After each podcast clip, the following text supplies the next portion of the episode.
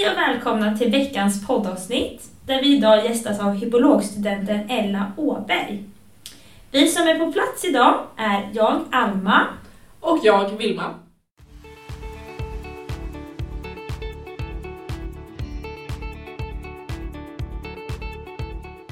Nu har vi fått äran att ha vår gäst här, hippologstudenten Ella Åberg.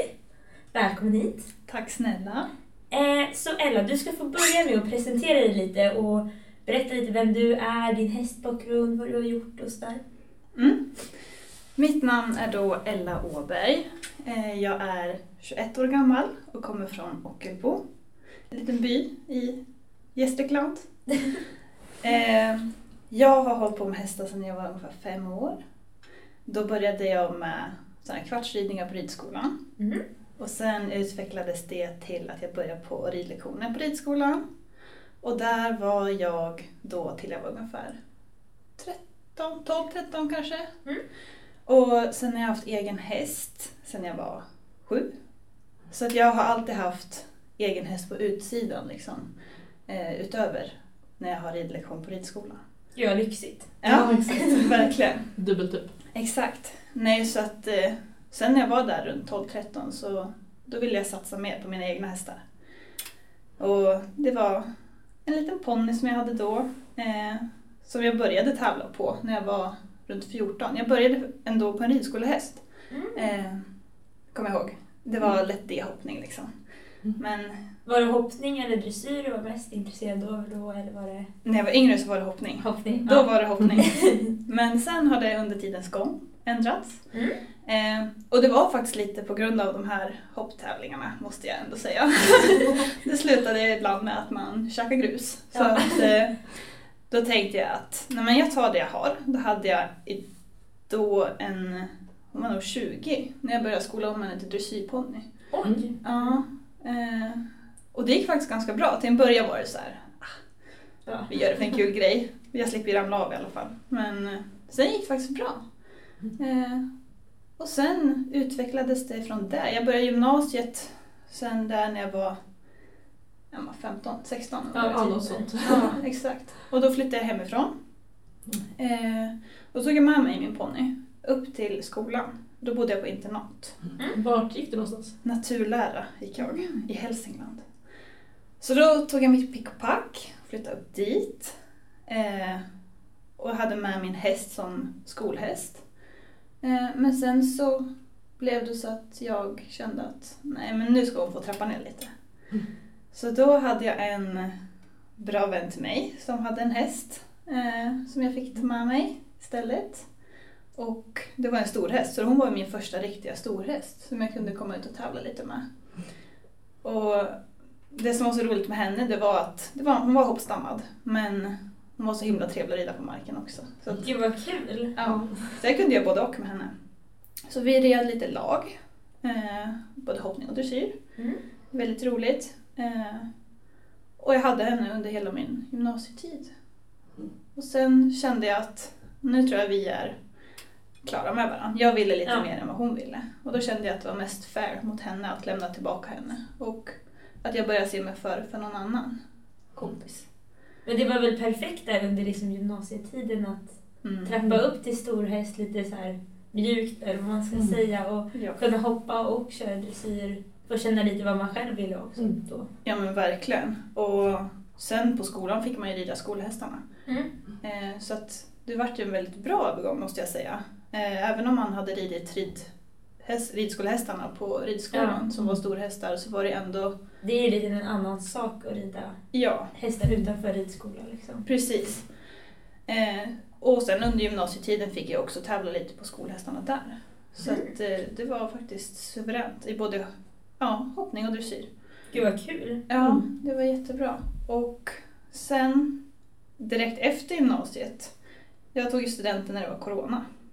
Ja, vad tråkigt. Ja, det var inte så roligt. Men så där i samband med corona så flyttade vi hem och hade distansstudier. Mm. Och då hade jag lämnat tillbaka eh, min den här Bettan som hon kallades. Eh, och sen hade jag också hunnit med och haft en till häst som jag lånade. Eh, som tanken var att vi skulle ut och tävla lite. Men Han var med en olycka i hagen. Åh nej. Ja, så att vi fick ta bort honom. Eh, Så då var jag hästlös där på våren 2020. Just hemma och allting. Ja. Det Precis, så jag hade jättetråkigt. Mm. Men då fick jag också rida många utav mina vänners hästar. Eh, Och också var superbra att rida många olika hästar. Mm. Mm. Eh, Men jag började känna att nej men nu vill jag ha en egen häst igen. Och utöver det här har jag ju såklart min Lilja som jag har idag. Hon var Mm. ung häst då så jag köpte henne som ett och ett halvt åring under gymnasiet. Eh, Men hon gjorde ju inte så mycket under den tiden. Nej. Nej. Så då under tiden jag väntade in Lilja att hon skulle bli redo att ridas in så hittade jag en till häst. Ehm, Men henne hade jag också under bara en kort period. Och sen så vart så jag flyttade ner till Flyinge och Mm. började hippologen. Och då kom ju Lilja ner sen med mig och utbildades där nere. Sin. Gud vad kul att kunna ha med henne liksom. Ja. Med det man lär sig ändå på, Mm. för då har man väl unghästblock Precis. där också i Flyinge. Exakt. Gud vad kul. Mm. Och det var det som var så himla bra. Att hon passade in, matchade in med åldern precis. Ja, hon var inte med i skolan. Nej. Men jag hade henne utanför. Men det man lärde sig i skolan kunde man inte med sig till sin egen. Ja men verkligen. Så det var suveränt. Ehm, Och att det fanns så mycket kunniga människor Mm. antagligen runt om och kompisar som kunde hjälpa till och exakt. sånt där. Exakt. Och sen så har jag ju bott här i Strömsholm de senaste två åren. Mm. Och här är vi idag tänkte jag säga. ja. Ja. Ja, men super. Då börjar vi med första frågan här om lite mer hippologprogrammet då. Så vad är hippologprogrammet? Hippologprogrammet är Sveriges enda universitetsutbildning till häst. Mm. Eh, vi kan välja att rikta in oss på ridhäst, islandshäst och travhäst. Eh, och vi som då har valt ridhäst går ju då första året nere i Flyinge Mm. och sen de andra två åren i Strömsholm. Mm. Och det upplägget har sett lite annorlunda ut tidigare. Mm. Men nu ser det ut som så att man, alla är första åren nere i Flyinge och sen de andra två åren här uppe. Mm. Eh, och på hippologprogrammet så brukar jag säga att vi lär oss lite om allt Ja. faktiskt. Vara bra. ja, exakt. Nej, men det är väldigt brett. Eh, så man får med sig verkligen allt om häst skulle jag säga. Mm. Allt ifrån det praktiska till det teoretiska. Och Mycket häst. Mycket Mm, häst. Ja. Eller Ja, bara häst. Ja, för hippolog, vad, alltså, om man beskriver det, är inte det någon hästspecialist eller vad är det man, man säger? Det kallas väl någonting om man ska lite försöka få någon annan utifrån att förstå. Jo, precis. Jag brukar också Mm. säga det att liksom, man kan bli vad som helst inom häst Mm. nästan. Det blir liksom verkligen bara en grovdyk, djupdykning liksom in i hästvärlden. Exakt. Så att, ja. Men är det så, vad jag har förstått det, att typ i Flyinge så är det lite mer fokus på unghästen? Det där är upplagt som så att nere i Flyinge så rider man in två och ett halvt-åringarna. Mm. Och sen fortsätter det så att när vi kommer hit till Strömsholm så är ju hästarna, då har de gått från att vara två och ett halvt, tre till fyra. Så att då hoppar vi in fyraåringarna här uppe. Ah, så man får liksom vara med lite från liksom Exakt. åldrarna uppåt? Exakt. Sen är det tyvärr inte samma individer som följer med Mm. från. Flyinge. Men det är ju så att de ska vara redo att hoppas in när vi Ja. börjar tvåan sen. Och sen har vi femåringarna i trean. Gud vad roligt att liksom också få träffa de nya individer mellan åren så man får ännu mer, Mm. även fast det hade varit kul att liksom ha samma såklart. Men, Precis. men att få verkligen vara med i det här utbildningsfasen. Mm. Ja, men, och det är så bra för då får man ju verkligen vara med om alla de här olika faserna som det Mm. är med Mm. unghästarna. Så att vi tar ju med oss jättemycket från allt det vi får på den här utbildningen på det sättet. Mm. Och ofta kanske de åldrarna som, man, som det kan bli fel Ja, Mm. annars, om man inte har kunskapen. Liksom. exakt. Exakt. Så annars så nere i Flyinge så är det, det är väl liksom grunden mest i det mesta. Mm. Att vi påbörjar liksom, ja men lika med pedagogiken och ridlära. Jag skulle säga att det är mest teoretiskt nere i Flyinge om man jämför Mm. med år två och tre. Mm. För nu Ja. här uppe är det ännu mer praktiskt. Även Mm. om det, vi har mycket teoretiskt nu också liksom. Men tanken är ju att vi nere första året ska Lägga en grund. Ja, Mm. precis. Så att vi har liksom the basics. Mm. Så kan vi bygga på det under åren. Mm, exakt. Kan ni ta vidare det i praktiken här lättare ännu mer? Ja, precis. Det måste ju vara jättebra upplägg. Liksom. Ja, för det tror jag vi alla är tacksamma över att även om vissa grejer kändes väldigt svåra under första året. Mm. så känns ju allt väldigt mycket lättare nu Mm. när det är befäst. Och när man lite kan koppla det till Ja, vad man har lärt sig. Bara, ah, det var det här Mhm. i praktiken. Liksom. exakt. Mm. exakt. Men ni har, ni har körning där nere också? Ja, Eller? det stämmer. Mm. Det är enda året vi har körning faktiskt.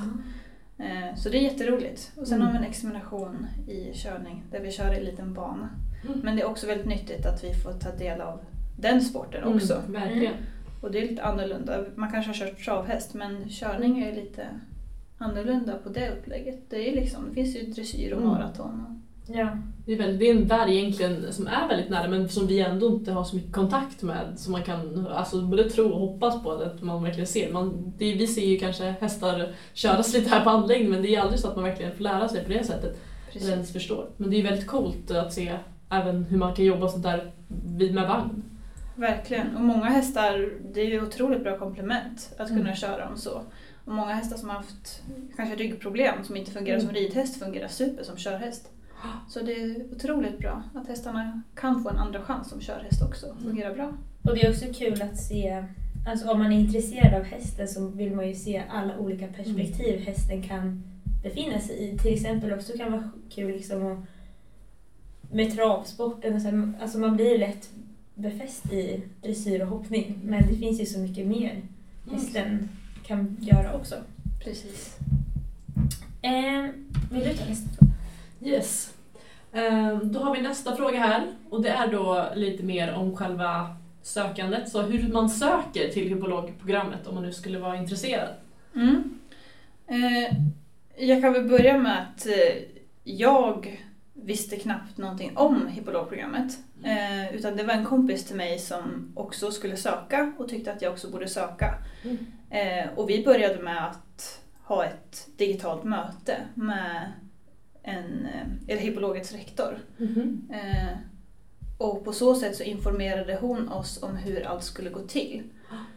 Men man går in på antagning.se eh, och där så söker man. Mm. Och då ska man också sen så småningom skicka in... Vi skickade ju filmer på grund av Mm. coronan. Ja, exakt. Annars är det antagningsprov på plats. Mm. Men då måste man också ha de rätta betygen. Mm. Och jag vet att jag läste några extra kurser på gymnasiet eh, för att få behörighet att kunna Mm. gå hippologprogrammet. Mm. Men allt sånt står ju på hemsidan. Eh, Mm. Och där brukar det också, då blir man kallad till antagningsprovet sen om Mm. man är aktuell.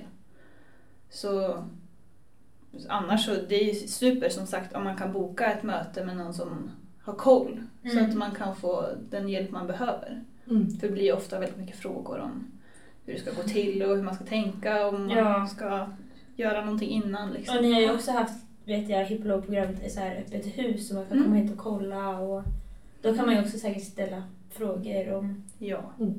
massa, allt man kan undra. Ja, exakt, det finns ju må- många tillfällen. ja, Mm. men precis. Men eh, på antagningsprovet, nu gjorde ju du det som oss också på video. Men vad är det man ska kunna ungefär? Alltså Kunna på vilken nivå och liksom sådär. Vi, I dressyren så fick vi ett eh, program vi skulle rida och det låg ungefär på ett A-nivå. Eh, och då filmade vi som så att man skulle först sitta upp från marken, viktigt. Mm. Eh, och sen red man sitt program och sen efteråt så skulle man också utföra en analys av sin ritt. Eh, och likadant med hoppningen, också uppsittning från marken. Eh, och sen hoppa en bana och den låg väl på ungefär 90 centimeter, en meter. Mm. Någonting sånt. Eh, också därefter göra en analys på sin ritt. Och det är någonting som följer med under hela hippologens gång. Mm. Eh, just det här med att analysera det man har gjort och det man gör. Varför det blir som det blir, hur man kan Mm. förändra det. Eh, och sen också den delen som vi inte behövde göra på grund av det digitala upplägget. Så är det ju häst vid hand. Just. Ja, för det gör man alltid på plats. Mm. Eh, och det kan vara bra att träna på. Ja. Och det är de tre delar som är praktiska Mm. på Mm. antagningsprovet. Men så då är det ganska likt egentligen ansökningen till gymnasiet. Ja, det var, eller nu är, vet jag inte heller hur det går till, hel, eller vi har varit med lite när de är verkligen har det fysiskt. Men det är ju Mm. lite, ha en viss nivå, filma in det eller få in med det och kunna analysera. Det är ju Ja. en liten skriftlig analys vi skulle göra. Ja. Men jag antar det är ännu mer om man vill ber om mer på typ hippologprogrammet där man verkligen, för det Ja, kommer exakt. eftersom det är det är verkligen fokuset att kunna hitta, Ja. se vad som, och ref, kunna reflektera. Men det är också så att, så att lärarna antagligen ska kunna se om det går att utveckla eller om det är en, så här, ett intresse av eleverna att kunna analys, analysera sin ridning. Precis. Men analysera var ju något som jag i alla fall inte hade gjort så mycket när jag, innan jag började här.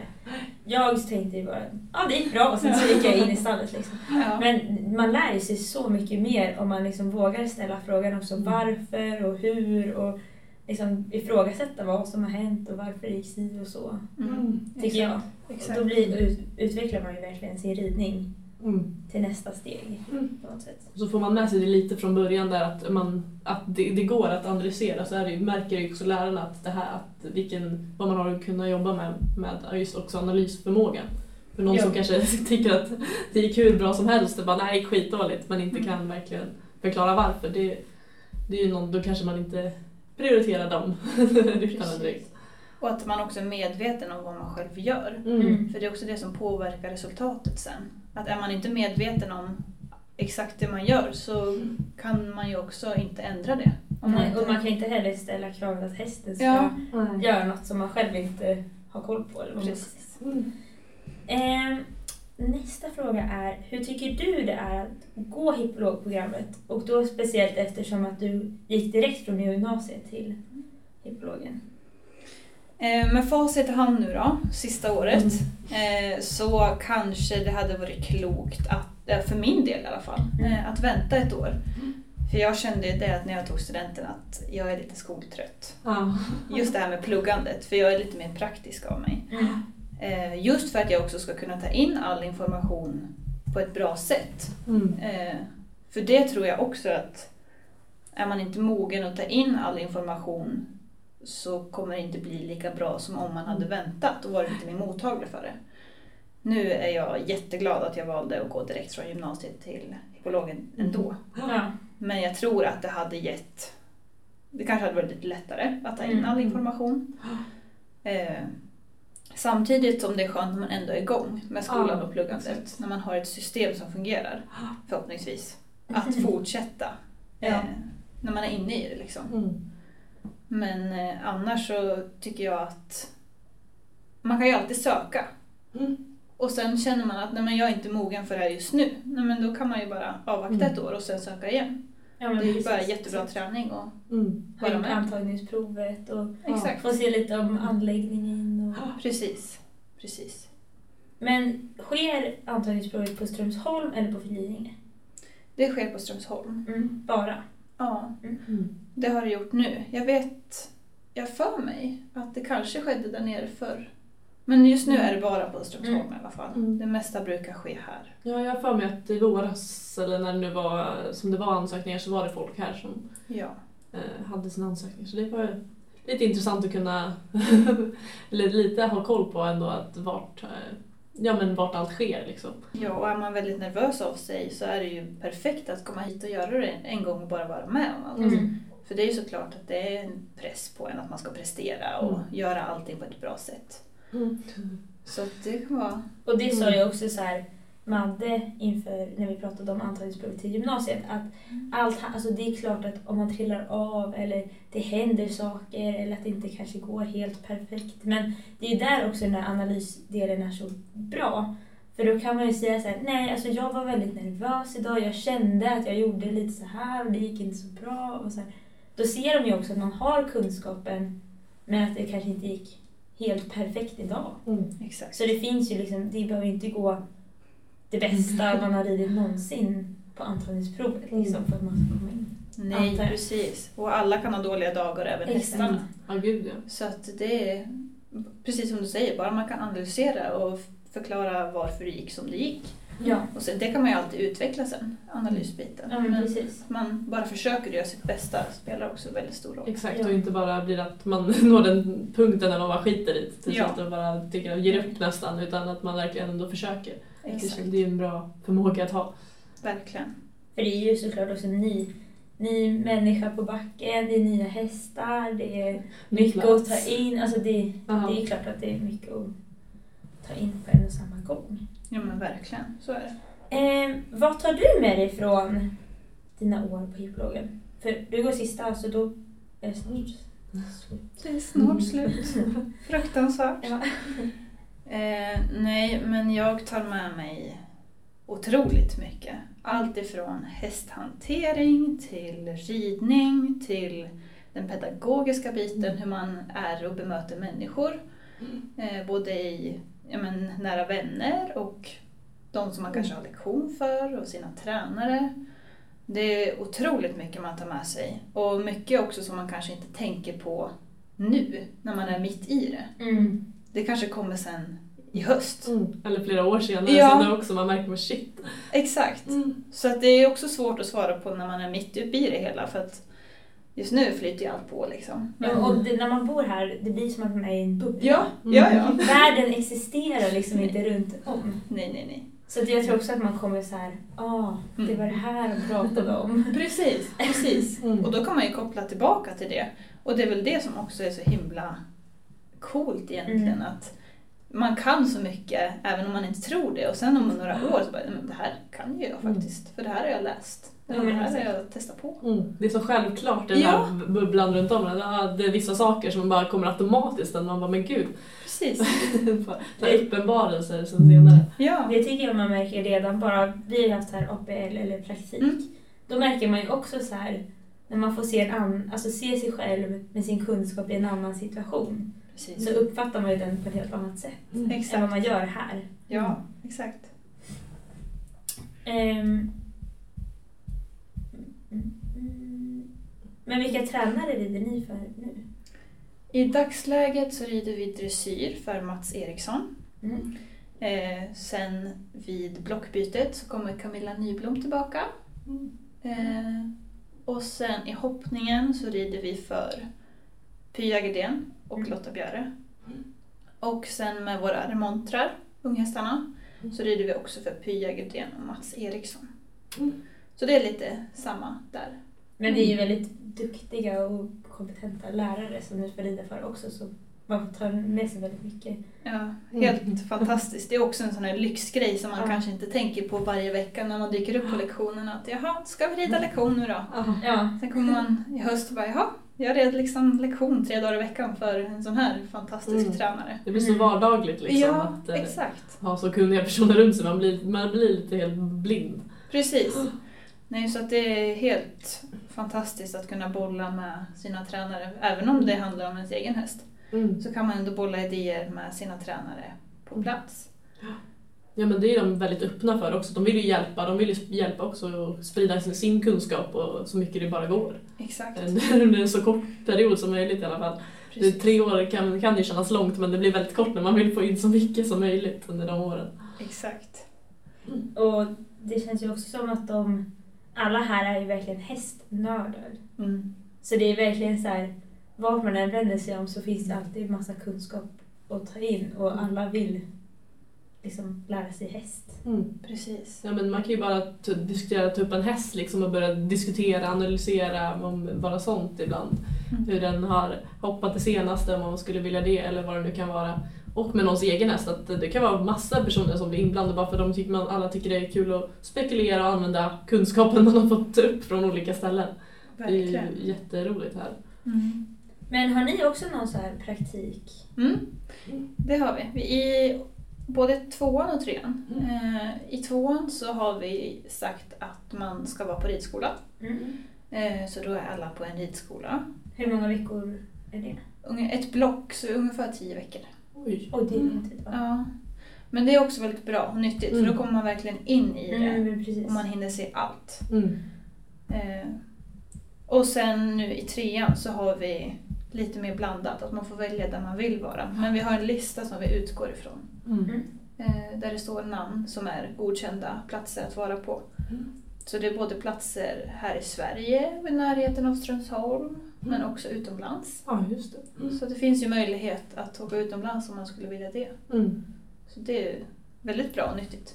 Men det är ju också väldigt skönt att de har liksom godkända personer så man vet att man hamnar på ett bra ställe. Annars är det inte så kul om man hamnar på liksom ett ställe i så många veckor Mm. där det bara blir slit och Precis. jobb som det faktiskt kan vara också i hästbranschen liksom, såklart. Exakt.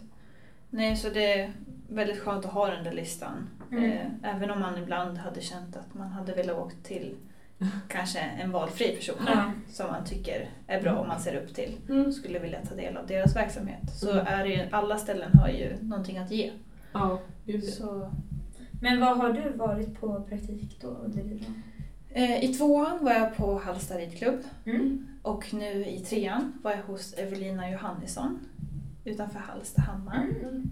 Så du har hållit det här. Exakt. Jag har hållit mig här. Jag vill ju inte lämna Strömsholm. Nej. Precis. Då har Jag man varit så nära som möjligt. Exakt. Men du har trivts bra? Jag trivs jättebra. Mm. Eh, Så jag har tyckt det varit väldigt nyttigt med de här praktikperioderna som vi har haft. Tagit med mig jättemycket, Mm. både från människorna där och hästarna och hur de bedriver sina verksamheter. Och, Också kanske lite skönt att få en liten paus i alltså sitt eh, Pluggande. pluggande. Ja. Alltså så att man får komma ut och faktiskt se hur det är i arbetslivet sen komma tillbaka och ta med sig kunskapen. Liksom. Mm. precis. Sen har jag varit så nördig så att jag har ju ändå varit kvar och ridit en massa här på när jag har varit på praktik. Så att, men det är som sagt, man uppskattar ju allt lite extra när man kommer tillbaka sen. Mm. Ja. Och har lite nya ögon på saker och ting. Mm. Både liksom när man kommer till de praktikplatserna, hur mycket man verkligen kan använda sig av där, men också det man får med sig från praktikplatsen och då att få lite kanske en självförtroende-boost över att det, att det har gått bra eller man har lärt sig där och presterat eller vad det nu kan vara. Och sen komma hit igen när man ändå känner sig nöjd och verkligen förstår värdet av det också. Det är Precis. ju väldigt givande. Vi har ju varit iväg några gånger men det är ju väldigt under eller jämfört när det tio veckor typ så det här är väldigt korta perioder. Mm. Men det känner man ju hur ja, men, avvägningen och resultatet av ändå utbildningen och sådär. Exakt. Har du några tips inför att söka till hippologen?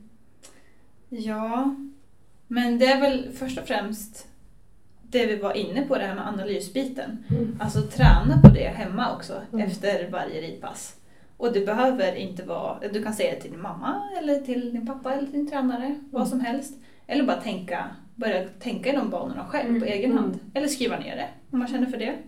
Och det finns ju många appar nu som man kan skriva ner resultatet av varje Mm. ridpass. Det kan också vara bra att börja tänka i de banorna. Mm. Och sen också som alla säger, rida många olika hästar. Ja. Mm. Det kan man ju inte göra nog av. Nej. Nej. Och sen som sagt känna sig mentalt redo för allting som står framför en. Mm. Så man tycker att det ska bli kul och se fram emot det. Så man är Mm. redo att flytta hemifrån om man gör det. Mm. Eller redo för att börja plugga igen. Så att man verkligen känner sig hungrig på att ta Mm. del av allt det nya. Och det kan ju faktiskt vara en väldigt bra grej att tänka på. Tänka, så man inte bara tänker att det är något man ska göra för att komma till andra sidan utan att man... Det gör ju ingenting om man väntar några år eller... För man, det finns ju ingen så här åldersspann egentligen att man ska göra det så fort som möjligt utan Precis. då kanske det är bättre att vänta några år så man verkligen tar vara på sina år på hippologprogrammet. Exakt.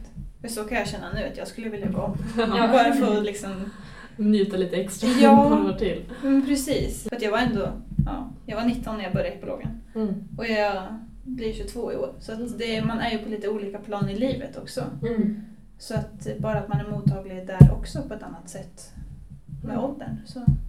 Men är det väldigt stor åldersskillnad av er som går hippologen eller är det ganska jämnt? Just i vår klass är det ganska jämnt. Eh, många tror att det beror på att vi sökte under pandemin. Mm. Eh, och de flesta ville göra någonting direkt efter gymnasiet. Mm. Men annars så har det varit lite större spridning i de andra klasserna. Mm. Och det är också nyttigt att bara umgås Mm. med varandra Mm. när man är på olika stadier i livet. Mm. Man ser ju saker på olika sätt och har varit med om olika mycket. Mm. För vissa har ju hunnit jobba flera år ute i. Mm. arbetslivet och vissa har ju inte hunnit jobba någonting kanske. Så att eh, just i vår klass är vi ganska unga tänkte jag Mm. säga. Man alltså, kan ju bli jättenära någon som kan vara typ tio år äldre också. Att man verkligen har kommit in i det. Men, men sen märker man ju också hur mycket man växer som person och mognar under, speciellt när man flyttar hemifrån och pluggar och mycket ansvar som det är att jobba med hästar. Exakt, Speciellt att plugga med hästar och ha det som en vardag. precis. Nej, och det har jag också märkt med den här utbildningen att som sagt, nu flyttade jag hemifrån när jag var, började gymnasiet och var 16. Mm.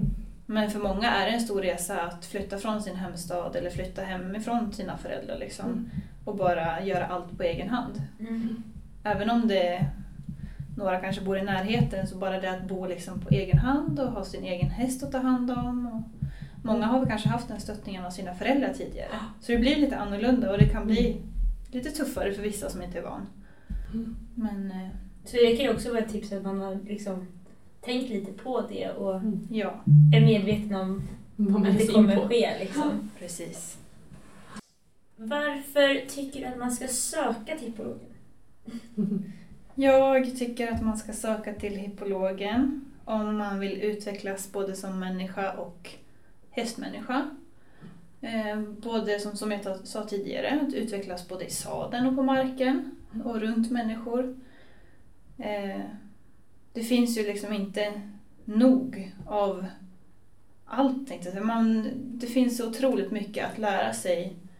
Och som jag säger, att det är mycket som följer med. Även om man tänker att nu ska jag gå hippologen och så ska jag lära mig det här. Så är det så mycket mer man lär sig än det som står i böckerna. Mm. Och som det här med att kommunicera med människor i Mm. olika åldrar. Det kommer tillbaka. Så att eh, jag tycker man ska söka hippologen om man vill utvecklas som människa och hästmänniska. Mm. Och bli en bättre version av sig själv. Om man Ja. är en hästnörd. Exakt så. Utvecklas som utvecklas livet. Precis.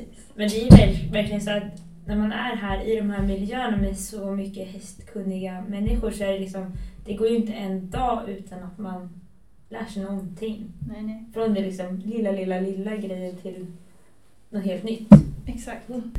Och du har haft egna hästar under hippologprogrammets tid här också, så att, eh, hur har det fungerat med både att ha hand om egna men också em, en hel utbildning med fullt med hästar och allting runt omkring? Eh, jag tycker att det har fungerat, för min del har det fungerat väldigt bra. Mm. Eh, och framförallt nu här i Strömsholm så Mm. har jag haft möjlighet att faktiskt bo och ha häst på samma ställe. Så att jag har bott på en gård med mm, där det finns massa hästar och några lägenheter. Mm. Och där har det fungerat super för mig. Mm. Och då har jag ju först och främst haft en häst genom de här åren. Mm. Och sen kände jag att ja, jag tar väl en till. Så, men den äger jag inte själv. Eh, men han kom till mig nu i augusti. Mm. Så sen i augusti har jag stått med två hästar här. Mm. Eh, varav att eh, en av dem nu står här på Strömsholm och Mm. går med i utbildningen. Mm. Ja, så att eh, för mig har det funkat faktiskt bra. Mm. Sen är det klart att ja, men under den här årstiden när man är lite trött och det är Mm. mörkt typ konstant så tryter väl motivationen lite. Ja. Men eh, hästarna är fantastiska och motiverar en varje Mm. dag. Exakt, Så- det är ju fortfarande de som håller uppe motivationen även om det är det som också kan ta emot. Exakt. Så på det sättet har det varit bra när jag kunnat haft dem på samma ställe så att jag inte haft dem på Mm. olika ställen eller Mm. så. Och haft nära. Eh, Så det har inte behövt blivit att man har behövt åkt en sträcka till stallet. Som har tagit tid och... Mm. Så det kan ju också dra ner motivationen. Att man Ja. behöver ta sig någonstans eller så. Sen tycker jag också det är så här, vi står på, där borta på, vad heter det? Erikslundsgården. Ja, Mm. att det där är också skönt att det finns ridhus Mm. nära och en ridbana. Och samma sak som man står här på anläggningen så är det ju liksom bra ridhus nära. Så man Exakt. kan ju liksom, det blir inte så jobbigt Mm. att det- blir ett projekt att man behöver ta sig Ja. någonstans Man egentligen. behöver ta sig bara istället för att kunna rida ordentligt eller någonting också. Mm. Precis. Det är ju tur med många möjligheter runt om även på andra gårdar också nära omkring. Ja men verkligen. Och sen nu när jag har haft, för mina hästar är fem och sex. Så de är ju lite yngre hästar och att jag bara kan gå hit med dem och träna på den här miljön och att jag kan träna för min tränare här på Strömsholm med Mm. båda hästarna är ju suveränt. Mm. Även om det är jättebra att lastträna så är det så smidigt att bara kunna gå emellan. Ja, Perfekt verkligen. att skritta fram och skritta av. Ja. Ja. Så att, su- super faktiskt. Och också typ, ibland så är det lite dressyrstaket kvar och då kan man rida på det. Eller, Precis. och även att vi har åsen som man kan klättra och galoppbanan. Och det Mm. finns väldigt mycket Ja, miljöer att rida i. En perfekt miljö för att ha liksom egen häst och verkligen få med allt, varje träning man annars suktar efter och kanske är lite svårare att nå. Precis.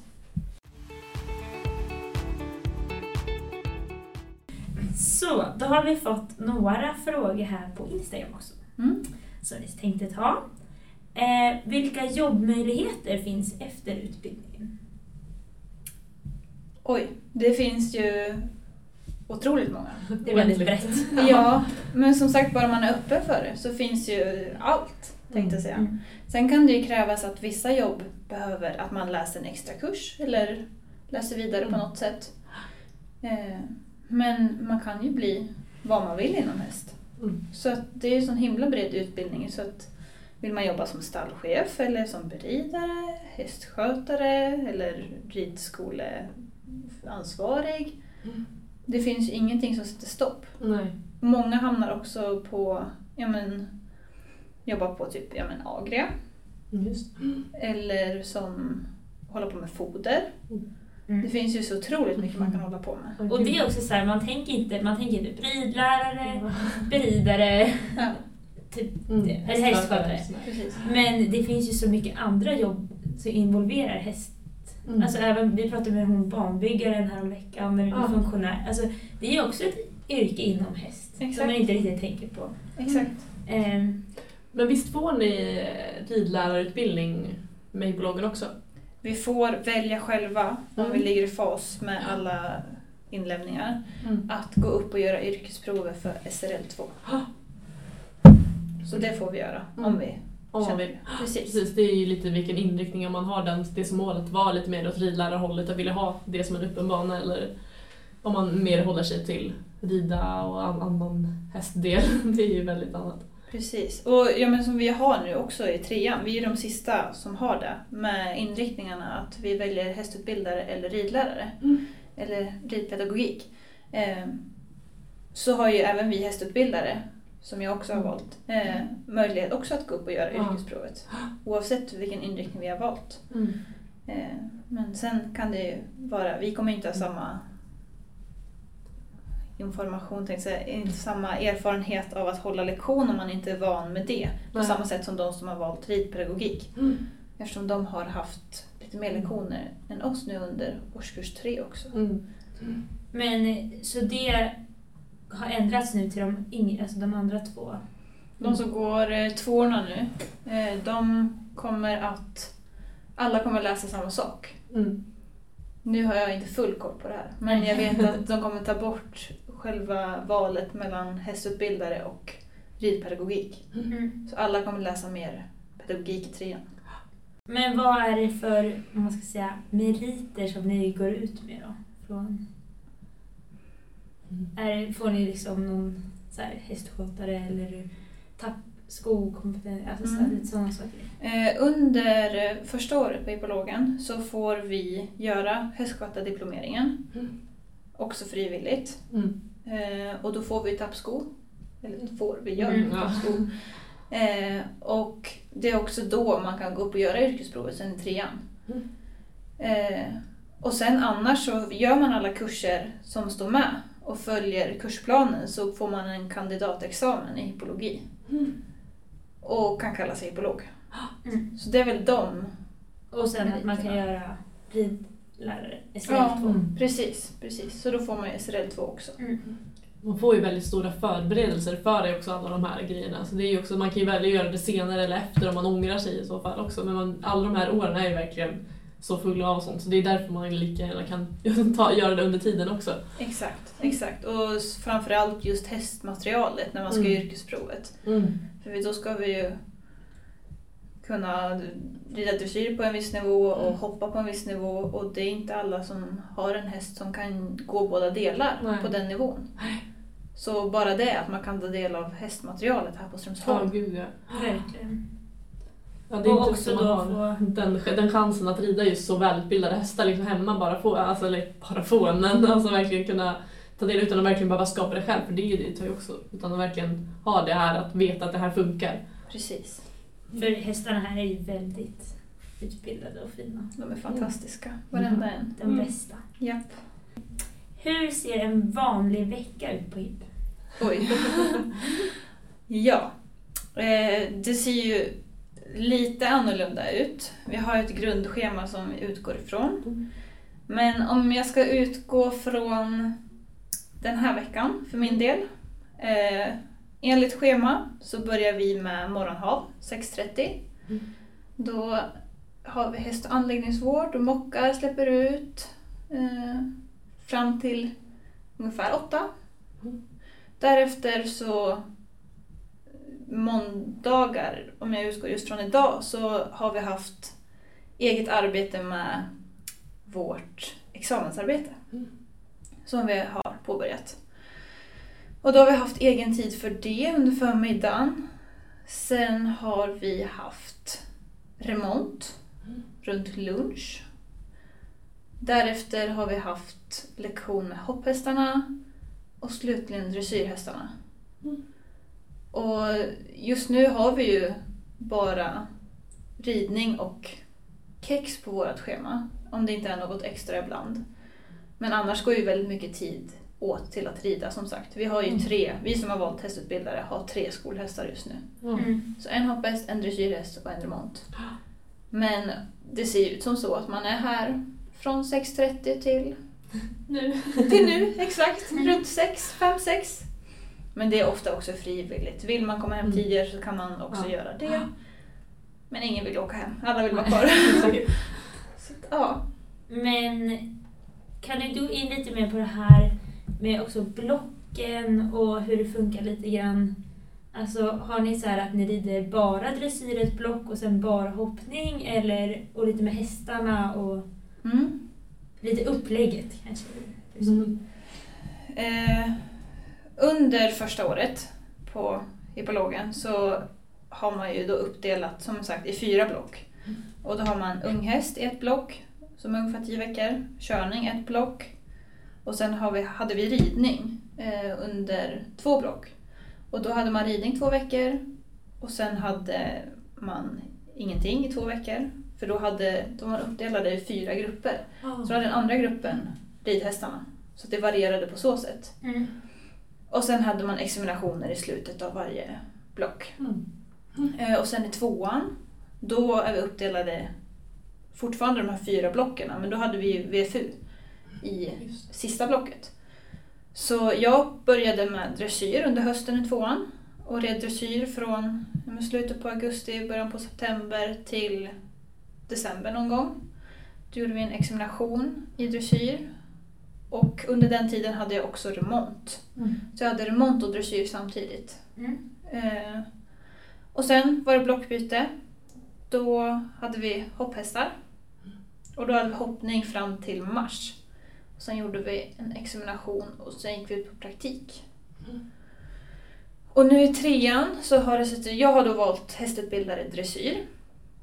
Och då började jag i höstas med dressyr.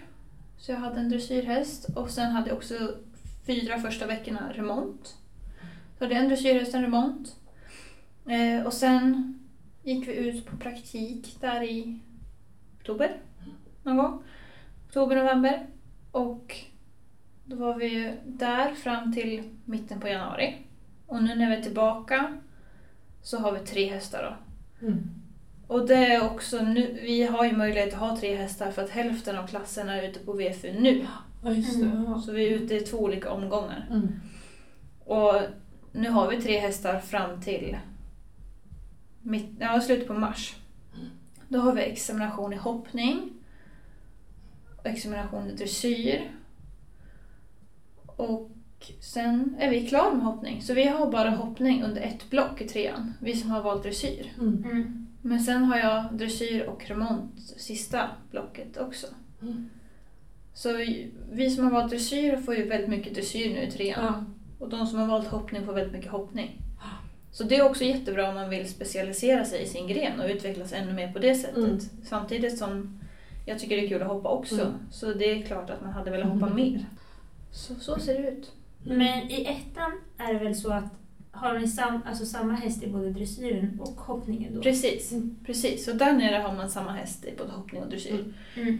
Mm. Eh, Men här uppe är det lite mer specialiserat på så, Så det sätt. finns lite mer hopphästarna och så Ja. finns det lite mer dressyr. Exakt.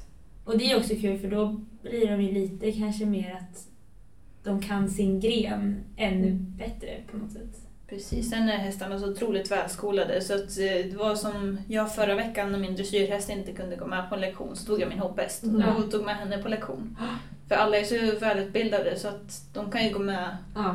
Nu är det kanske lite lättare för hopphästarna att gå med på dressyrlektionerna än Ja, dressyrhästarna ja. ska gå med och hoppa. Men att det funkar på så sätt är ju bara suveränt. Och också att de ändå får liksom varierad träning och de, alltså skolan generellt vill ju gärna liksom rida ut och varierat arbete Mm. generellt. Så att Exakt. det är väldigt, hästarna har ju väldigt bra. Ja, absolut. De får göra lite olika saker. Ja, Mm. exakt. Eh, Då så, det är också här en liten eh, klassisk fråga vi kör på alla som har lite kontakt med Strömsholm.